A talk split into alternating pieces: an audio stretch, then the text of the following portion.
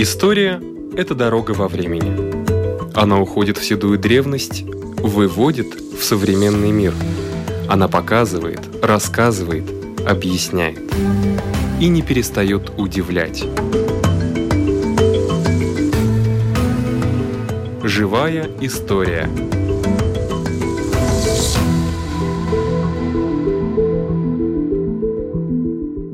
У микрофона Лидия Чера.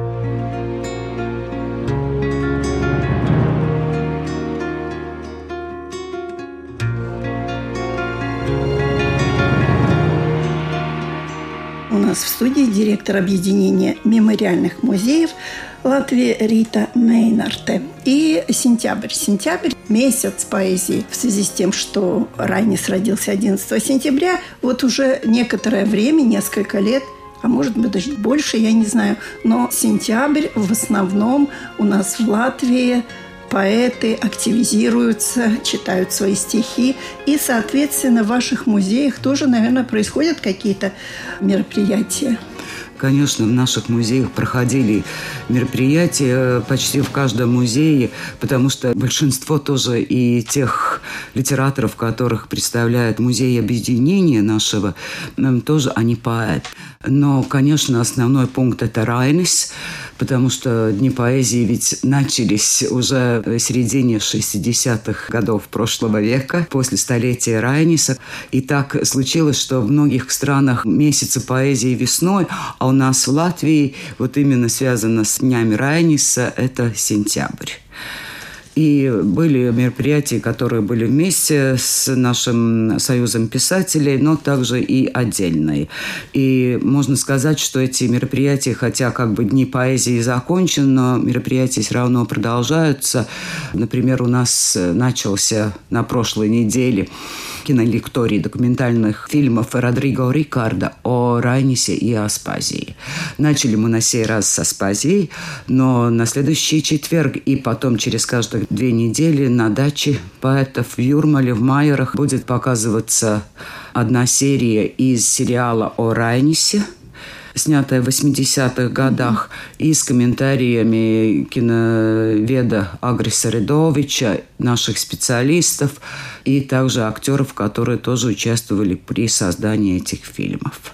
В объединение входят четыре музея Райниса. Да, два музея Райниса Аспазии в Риге на улице Базнейцес 30, в Юрмале, в Майерах, и также музей Таденава в Екапельской волости и музей Ясмуйжа в Прельской волости. Вот не была в Таденаве, но в Таденаве, по-моему, довольно активный музей. Думаю, что оба музея активны. Музее Райниса в Таденаве после возобновления открыт в 2016 2017 году.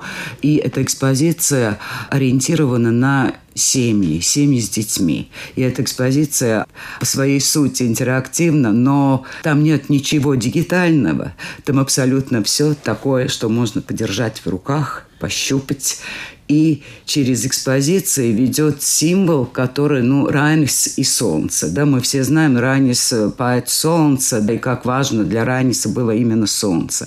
И вот там, как символ солнца, небольшой neliela koku lodīte. Небольшие деревянные. Ну, деревянная... Шарик. Шарик, да. да. И с этим шариком мы проходим экспозиции. И если туда поехать вместе с детьми, то вы будете двойне рады, потому что детям очень там нравится, они понимают, что это для них.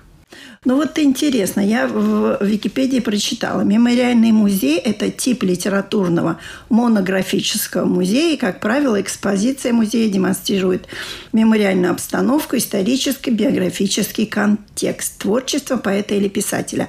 Но вначале я понимаю, когда создается музей, находятся его предметы, проходят годы. И как любое здание, как любой дом, он требует обновления, ремонта. И как когда ремонтируется это здание, как сохранить и старину, И вот это новое, что надо, естественно, сделать при ремонте. Вот, например, музей Райниса и Аспазии, дача музей э, на Плекшина в Майоре, как раз очень интересно этот э, сделал ремонт этого здания, но сохранил дух Райниса. Вот что очень сложно всегда. Но это самое важное, конечно. Это очень важно, если мы говорим про этих музеев личностей, чтобы вот именно почувствовать как они жили, что они видели вокруг себя. Поэтому очень и важно то, что вокруг музея, чтобы это тоже как бы сохранилось. Мне кажется, всегда очень важно, чтобы мы могли уловить то, от чего идет творчество. Откуда он брал, что его впечатляло. Это про любого писателя говорят. Конечно, проводится тщательное исследование и само здание. Конечно, еще и тот период, в котором жил там, например, поэт. Есть вещи, которые сохранились до наших дней, есть вещи, которые не сохранились. В таком смысле, как там здание, то, что вокруг здания. На даче, да, там как бы наверху в этих маленьких комнатах сохранилось это да. старинное, там было исследование. И... Да, ну мебель подлинная поэтов из коллекции музея. Чемоданчик тоже могут. Тоже, да, и очень много таких вещей, которые были важны на даче, особенно для Райниса. Есть, конечно, и то, как, например, Таденау, который мы упоминали. Там, конечно, после того, как отец Райниса построил эту фольварку, это 1865 год, там конец, когда жилой дом был построен. Потом они через несколько лет оттуда уходят на новое место, где предприниматель Кришанс Плekшанс опять арендует какое-то поместье. И, значит, было очень много десятилетий, когда там не жили Плekшаны, не жил Райнис. Это первые три года его жизни и что нам осталось. И там вместе с архитектором, там работал архитектор Эрик Церпинч, мы смотрели на то, чтобы сохранить то, что до нас дошло. И часть это старинная, дом и сарай, которые постройки еще Кришаниса Плekшана, а Потом там также и было Яунсаймниecība, там дом сохранился, где у нас наше административное здание и прием посетителей. Мы это все сохранили, и можно сказать, что там можно пройти истории Латвии. Именно стоя на этом месте, смотря на то, что там вокруг. Там клуб Мешсаймниecības, лесохозяйство, да, да. построен в 60-х годах 20-го столетия ну. уже. Постройки разных времен, но это все равно то, что до нас дошло. И это наша история. И в этом мы рассказываем рассказ про Райнис. Конечно, там нет мемориальных вещей. Единственная, ну, такая подлинная вещь – это Калдебрунис с крестам Траукс. Потому что Райниса крестил э, пастор церкви Калдебруни.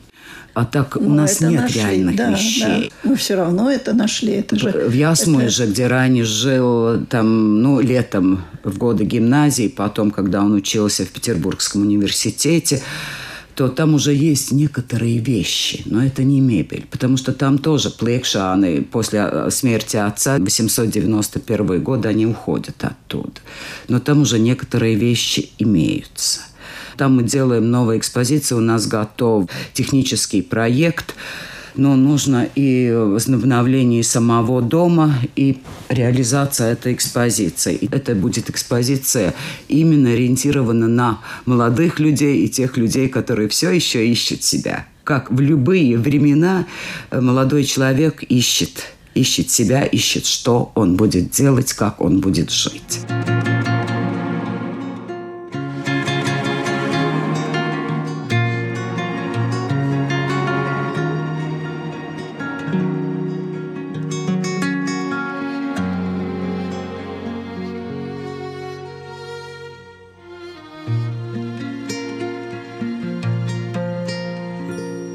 Будем зацикливаться только на Райнисе. У нас в этом году юбилей. Юбилей у тоже латышского, я бы сказала, великого поэта Оира Вацитиса. 90 лет ему исполняется. Вот в, в его доме, мне кажется, ремонт тоже необходим. Э, да, это, конечно, так. Вы правы. Я думаю, что то, что внутри мы довольно много сделали в последние годы. Э, Выставочный зал там ну, да, в порядок. Да, да, у нас там и теперь будет еще один зал немного лучше выглядеть, потому что мы готовимся с финансовой поддержкой Министерства культуры, создаем выставку, которую будем открывать 7 октября о опять вернусь к Ранису, о Ранисе и о Яре Вацетис. Выставка под названием «Один», «Венс». Она будет в двух местах – в доме Раниса Аспазия и в музее Оярвации. В Рижском доме? Да, в Рижском доме. И тема, значит, один, одинокий, одиночество. Сколько это необходимо или это затрудняет. Это выбор обоих поэтов. Но у каждого это иначе. И, конечно, в этом одиночестве тоже говорится и про их внутреннюю необходимость, чтобы работать. Они как бы должны были быть одни или одиноки. Это тоже вопрос, про который будет. И, конечно, время то, как это влияло на каждого из поэтов. Это разные времена. Там конец 19-го, начало 20-го Райнис, Ояр Вацетис, как поэт с 50-х годов до его смерти 83 -го года. И эти экспозиции будут внедрены в основную мемориальную экспозицию и также в выставочных залах. Так что мы надеемся, что выставка будет очень интересной. Как можно показать одиночество? Ну вот. 7 октября. После да? 7 октября мы вас ждем в музеях. Попробую прийти и посмотреть. И такая личность музейная тоже, которая во главе мемориального музея, это Андрей Саупиц. Я знаю, что в этом году копья ломались по поводу сноса памятника Андрею Упитису. Я даже не могу правильно сказать, как некоторые пишут «упитис», всегда был «упиц», ну, правильно. в латышском языке вообще-то его формальная фамилия Упитис. Но, имея в виду то, что параллельно в то же время жил и работал Эрнест Бирзнекс Упитис, то он свое литературное имя сократил Упиц. Да, наконец разобрались. А то я смотрю в литературе Упитис, Андрейс Упитис. Ну, так мы все-таки употребляем Андрейс Упитис с респектом к его выбранному варианту для публичной жизни. Ну да, мы же не говорим Янис Плекшанс, мы же да, говорим мы говорим Ранис. про Раниса все-таки в основном. Ну, да. Так вот, э, надеюсь, что сохранили памятник. Будет он пока стоять и не тронут его. Когда уже придет к тому, что если там будут выстраивать концертный зал, то, конечно, этот вопрос может возникнуть, но тогда это будут уже другие аргументы и другие обсуждения. Конечно, музей тоже включился в эту полемику, и мы со ну, своим... высказали свое мнение письмом. Да. Я знаю, 29 человек уважаемых его подписали. Конечно, это всегда сложный вопрос, когда сталкивается политика с литературой. Но в то же время ну, нельзя уйти от контекста, в котором человек жил. И мне очень нравится, как одна наша коллега сказала, что то, что у человека более левые взгляды да. политические, да. это еще, ну, tas nav Да, это не грех и не, да, не и свидетельствует что... о том, что он есть враг Латвии. Ну да, потому что важно все-таки всем этом разбираться и смотреть, что более более важно. Ну да. Как вы считаете, можно ли отказаться вообще от свидетельств советской эпохи? Я думаю, что нет, потому что это наша история. Она же была. И э, мой взгляд такой, что если мы хотим увидеть, как жила советскому государству и партии приближенная интеллигенция, то это квартира Андрейса Упитиса. Музей жив, там происходят всякие мероприятия. Да, там очень активно работают наши коллеги. И только что в конце прошлой недели открыли новую выставку о рукописях, метаморфозы рукописей. Там рукописи Андрея Супица, очень интересные. Там можно тоже с разных точек смотреть и содержание, и то, как оформлена эта рукопись, как меняется почерк. Начиная с того, что Упиц – это тоже один из тех литераторов, которые жили, работали в это время, когда с готического шрифта перешли на латинский тоже. Потом уже конец жизни, когда у него в начале 50-х был Инсульт, инсульт. инсульт, инсульт. Э, то после того тоже меняется почерк. Там и почерк молодого Андрея Саупитиса увидим очень хороший, красивый, да. да, почти каллиграфический. И почерк уже престарелого Упитиса, даже его последние заметки перед уходом из жизни. почерк. Многое, что может рассказать человеку, который умеет читать по почерку. Обязательно. Интересно. А есть кто-нибудь в музее, который может расшифровать этот почерк? Кроме болезни, может указать какие-то черты характера, например? Э, ну, нет, у нас нет, таких у особых специалистов в полицию нет. Надо идти, нет, в полиции, нет. Наверное, это, есть. да, в полиции. Кстати, про это расскажу. Тоже в прошлом году исследовательница Аспазии Бригита Дуцмане нам предложила рассмотреть, она расследила историю одной фотографии в коллекции Аспазии. Вообще был такой прогноз, что возможно, что это фотографии матери Аспазии, Греты Розенберг. Мы все знаем ту фотографию, которая на письменном столе Аспазии, где уже мать, э, это 1911 год, который она снимается после просьбы Аспазии посылать в Швейцарии. Потому что у Аспазии всегда этот портрет был на рабочем столе.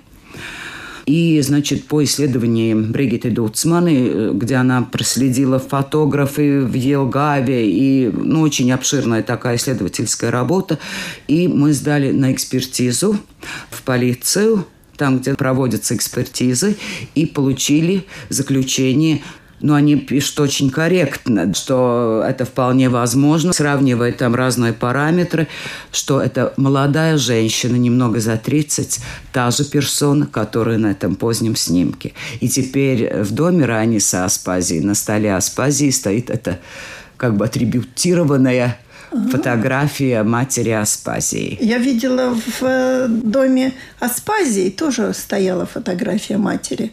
Ну, По-моему, в доме Аспазии. Да, но обязательно, потому да. что она должна быть на любом письменном столе да, Аспазии. Да. Да. То есть э, можно сказать, что засвидетельствует, что это на самом деле ее мать, да? Да. Вот так. Так что у нас теперь две фотографии Греты Розенберг.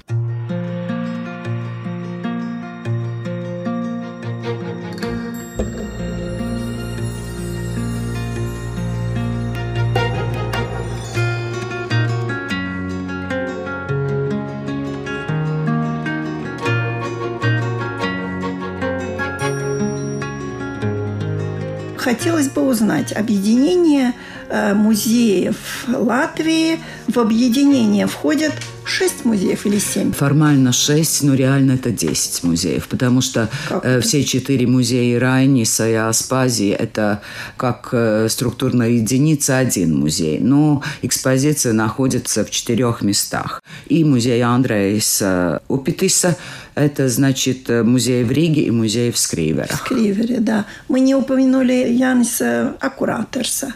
Там тоже, по-моему, активно живет музей. И мне нравится бывать там, потому что там очень интересные литературные есть вечера. И вот выставок не видела, но после ремонта он, конечно, просто блестяще выглядит. Да, и там каждый, который туда входит, он чувствует эту домашнюю атмосферу да. семьи Аккуратерса это и наши коллеги, создавая экспозицию, они очень долго и тщательно работали, уже больше чем 10 лет тому назад, как вообще закончили это возобновление музей, был разработан план экспозиции со всеми предметами вместе с историками именно прикладного искусства интерьеров Дайнис Брудис и Инна Лина. И поэтому теперь мы можем войти в любое помещение семейного дома, не только в кабинет, но и в спальне, и ванную, посмотреть кухню и поглощаться в эту домашнюю атмосферу. И мне нравится, что коллеги, конечно, если весь дом – это как бы мемориальная обстановка, то там уже больших акций ты не можешь делать, потому что это историческая мемориальная среда. Но они находят очень хорошие формы. Например, теперь уже почти два года проходит э, летом это чтение в веранде, зимой чтение э, в светлом салоне, где читается работа Яниса Акуратерса, иногда и других писателей. По субботам в небольшом кругу можно собраться в такой домашней обстановке, вместе читать и обсуждать. Не знаю, вот почему-то именно Ян Сакуратуш для меня остается такой темной лошадкой. Может, потому что он все время творил на латышском языке, и на русском переводов практически нет. Я не знаю, может быть, где-то есть, я не читала. Но как-то вот для меня он как человек с портрета. Ой, Равацитис я чувствую как человека, как живого. Но он же ведь мой, в принципе, ну, не ровесник, да, но, но... все-таки, да. Упить тоже, он умер в 70-м году прошлого века. Тоже это уже то время, когда я начинаю понимать. А вот Янис Сакуратерс, тот, который принимал участие в объявлении независимости Латвии и в активной политической. Вот для меня он как-то больше политик, чем даже поэт. Ну Может да, быть, как бы судьба Яниса Акуратерса ну, не очень удачно сложилась. Я думаю, что это и в том, что все-таки все те годы советской власти его очень небольшом таком, да, мы да. получали. Мы знали несколько стихов, мы знали в лучшем случае Калпа Заана Вассара, которая, по-моему, переведена на русский. Я знаю, что можно читать на украинском. Так что у него, конечно, как бы и его работы, ну, в таком, да, Калпзан Вассер несколько раз издавалось. Есть некоторые другие его работы, которые были изданы, ну, в последних там 20-30 лет. Но их не так много. И как бы случается так, что его мы знаем меньше хотя он работал и в поэзии, и в прозе, и в драматургии но его политическая, даже, можно сказать, общественная деятельность, она, конечно, тоже очень важна. Э, он же был также и директор радиофона. Да, да, да, я знаю, знаю. В свое я время. Политик, чиновник, латышский стрелок. Это все я понимаю. Но вот как поэта, как писателя я его так не могу оценить. Может быть, это моя вина А сейчас предлагаю еще раз вернуться к Андрею Упицу, потому что у меня есть возможность подержать в руках книгу Маргариты Миглана «Лома мужа виду. Роль середины День. жизни. Ну вот о чем это? Это воспоминания Маргариты Мигланы. Она была первым директором э, музея Андреаса Упитиса. Когда Андреас Упейц передал государству свой дом в Скриверах, это 50-е годы прошлого века, то там ну, была постоянная выставка. А после смерти Андреаса Упитиса был по его тестаменту, так как, ну, народный писатель и все прочее, что связано с Упитисом, один из корифеев латышской советской литературы, ему, значит, создавался музей, его рижской квартире. И тогда первым директором стала именно Маргарита Миглане. И в 90-е годы, когда она уже была, она немного раньше ушла с работы в музее, она написала эти свои воспоминания.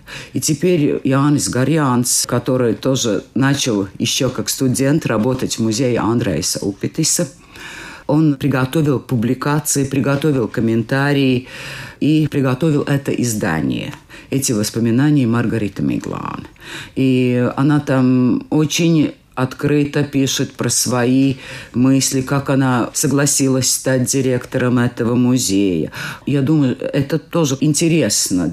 Но еще очень важно, по-моему, то, что она там пишет о том, что и как они думали, каким должен быть этот музей личности, мемориальный музей, потому что музей Андрея Упита – это реально мемориальные музеи, где это так, как он оставил, как это осталось после его смерти, и как они думали, как, про что, какими методами, какими предметами, про что говорить. Также там и про то, что было в музее, потому что это у Андрея Упита так было. А пришли чиновники и сказали, о боже, что вы тут выставили.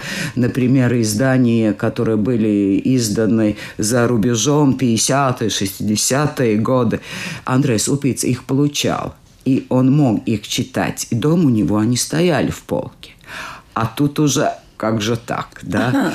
По крайней мере, чисто профессионально для музейщиков это очень интересная книга. Для тех, которые интересуются про то, как мы жили это тоже очень интересная книга для такого, ну, исторического обзора, при том очень личная книга. Да, субъективная личная книга. Ваша настольная книга. Вам для мемориальных музеев надо все-таки Да, иметь потому что там вещи, основу, про которых мы думаем до сих пор и ищем. Иметь. Конечно, конечно.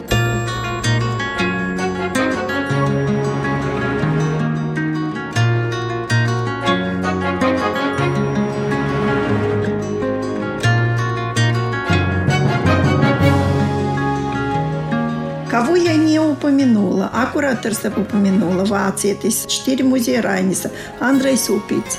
Да, ну у нас также и музей Кришаниса Барана. Правильно, конечно. Ну, да, нашего же? фолклориста. Здесь я должна обязательно обратиться к тому, что даже если не знать пока латышской литературы, то чтобы познать, как нашу историю, нашу личную жизнь, то это я советую идти в музей писателей, потому что это мемориальные квартиры, мемориальные комнаты своего времени.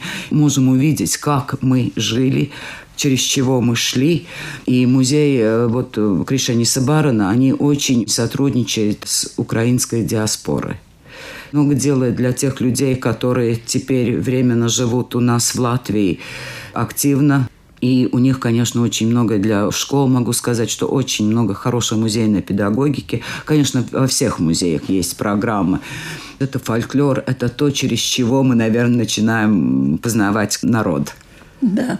А как вы смотрите на расширение вашего мемориальных музеев, объединения? Ну, мы государственное учреждение при Министерстве культуры. Я понимаю. И... Просто просятся туда некоторые, э, как ну, ЧАК, как исследование. Нет, нет, конкрет, нет, конкретные музеи не просятся, потому что, ну, музей Александра Чака – это музей при Рижской думе, музей Иманта Зедонис – это музей, значит… Это частный музей, Частный музей, да, это общество, которое этим музеем работает. Ну и юридически там есть и свои возможности, которые, ну, нет в государственном музее. А также должна сказать, что решение про создание государственного музея это тоже создание нового государственного музея, это принимает э, кабинет министров.